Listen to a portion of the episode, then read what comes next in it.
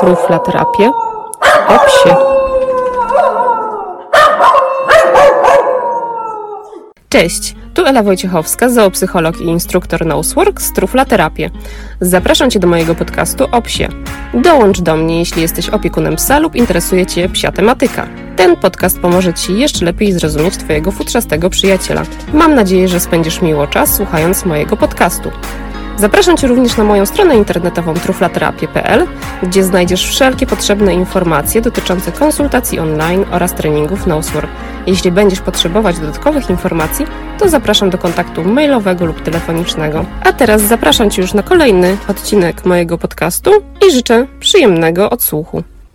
Cześć, witajcie w 61. odcinku podcastu o psie.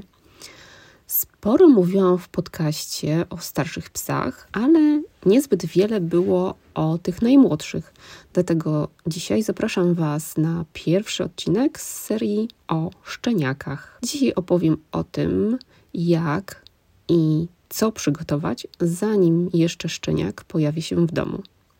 Młody pies to nie puszysta kulka do przytulania, ale przede wszystkim spore wyzwanie praktycznie dla każdego opiekuna, który decyduje się na przyjęcie szczeniaka pod swój dach. Spiętrzenie obowiązków i dodatkowy stres są gwarantowane, dlatego warto wcześniej mentalnie przygotować się na przybycie młodego psa.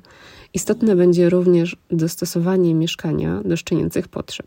Jak zatem przygotować się na przyjęcie nowego członka rodziny i co zrobić, by relacja z psem układała się od początku jego pobytu w domu pozytywnie? O tym właśnie opowiem w tym i kolejnym odcinku podcastu. Zaczniemy od tego, jak przygotować mieszkanie na przyjęcie psa. To, co będzie przydatne, to przede wszystkim zorganizowanie specjalnej przestrzeni w mieszkaniu, w której będzie mógł znajdować się szczeniak. Dobrze do tego sprawdzają się wszelkie takie e, kojce z ruchomymi panelami, które mają możliwość dostosowania ich do dostępnego w pokoju miejsca. Taka ogrodzona przestrzeń jest zdecydowanie lepsza od wszelkiego rodzaju klatek.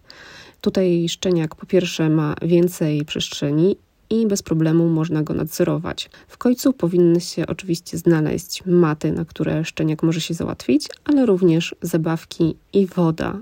Taka ograniczona przestrzeń nie powinna stanowić stałego miejsca pobytu szczeniaka. To bardziej jest pomoc dla opiekuna, mm, w momencie, gdy sam nie może zająć się psem, no ale ma możliwość właśnie obserwowania go i w razie potrzeby możliwość interwencji. Te pierwsze dni w nowym domu są szalenie istotne w kontekście budowania wspólnej więzi z psem.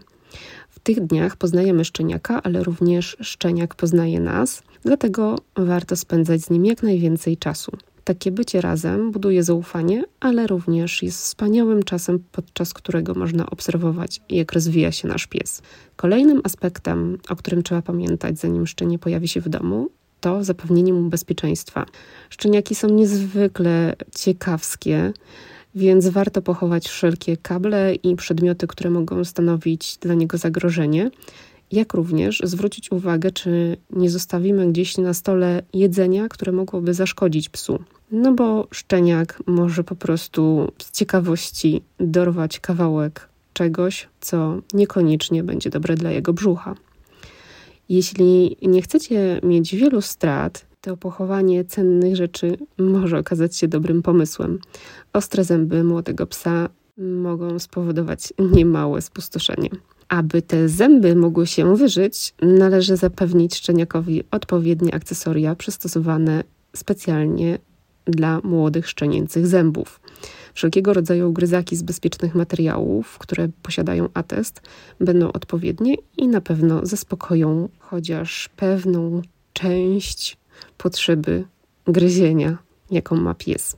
Przydatne mogą się również okazać wszelkiego rodzaju zabawki, w których można podać psu karmę, takie jak kąg, kule smakule czy maty, z których szczeniak może wylizywać jedzenie. Do jedzenia potrzebne będą również miski. Miska na wodę i miska na jedzenie, najlepiej takie, które są wykonane z tworzyw nieposiadających w sobie niebezpiecznych związków oraz takie, których kształt nie powoduje, że cała zawartość miski ląduje na podłodze i zostaje rozbryzgana po kuchni. Szczeniak musi mieć także komfortowe miejsce do spania. Zapewnienie psu przyjemnego posłania, jak i spokoju podczas wypoczynku będzie istotne, jeśli chodzi o jego ogólny dobrostan.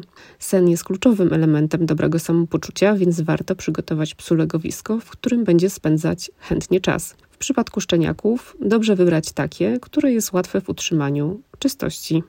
A jeśli jesteśmy już przy czystości, no to polecam zaopatrzyć się w środki enzymatyczne do czyszczenia po psie, bo wiadomo, że musi minąć trochę czasu, zanim szczeniak nauczy się załatwiać na zewnątrz, a do tego czasu trzeba mieć w zapasie maty, które pies może wykorzystywać będąc w mieszkaniu. Niezbędne będzie także jedzenie przeznaczone specjalnie dla szczenięcych brzuszków, a także smakołyki, których można użyć w pracy nad nauką zachowań.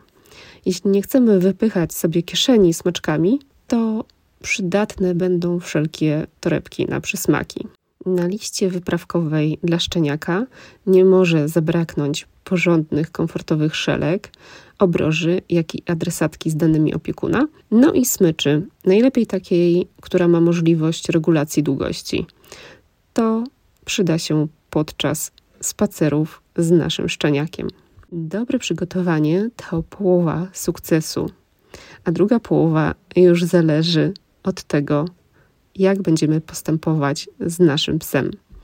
W kolejnym odcinku opowiem, jak przetrwać pierwsze dni ze szczeniakiem i o tym, co warto zrobić, by codzienność z nim była dla nas mniej stresująca. Tymczasem dziękuję Wam za wysłuchanie tego odcinka i zapraszam na kolejny za dwa tygodnie. A jeśli jesteście stałymi słuchaczami lub uważacie, że moje treści mogą być pomocne i przydatne dla innych osób, to będę wdzięczna za udostępnienie podcastu, jak również za wszelkie gwiazdki i recenzje na platformach podcastowych, na których słuchacie tego odcinka. Dzisiaj żegnam się już z Wami i do usłyszenia. Pa pa!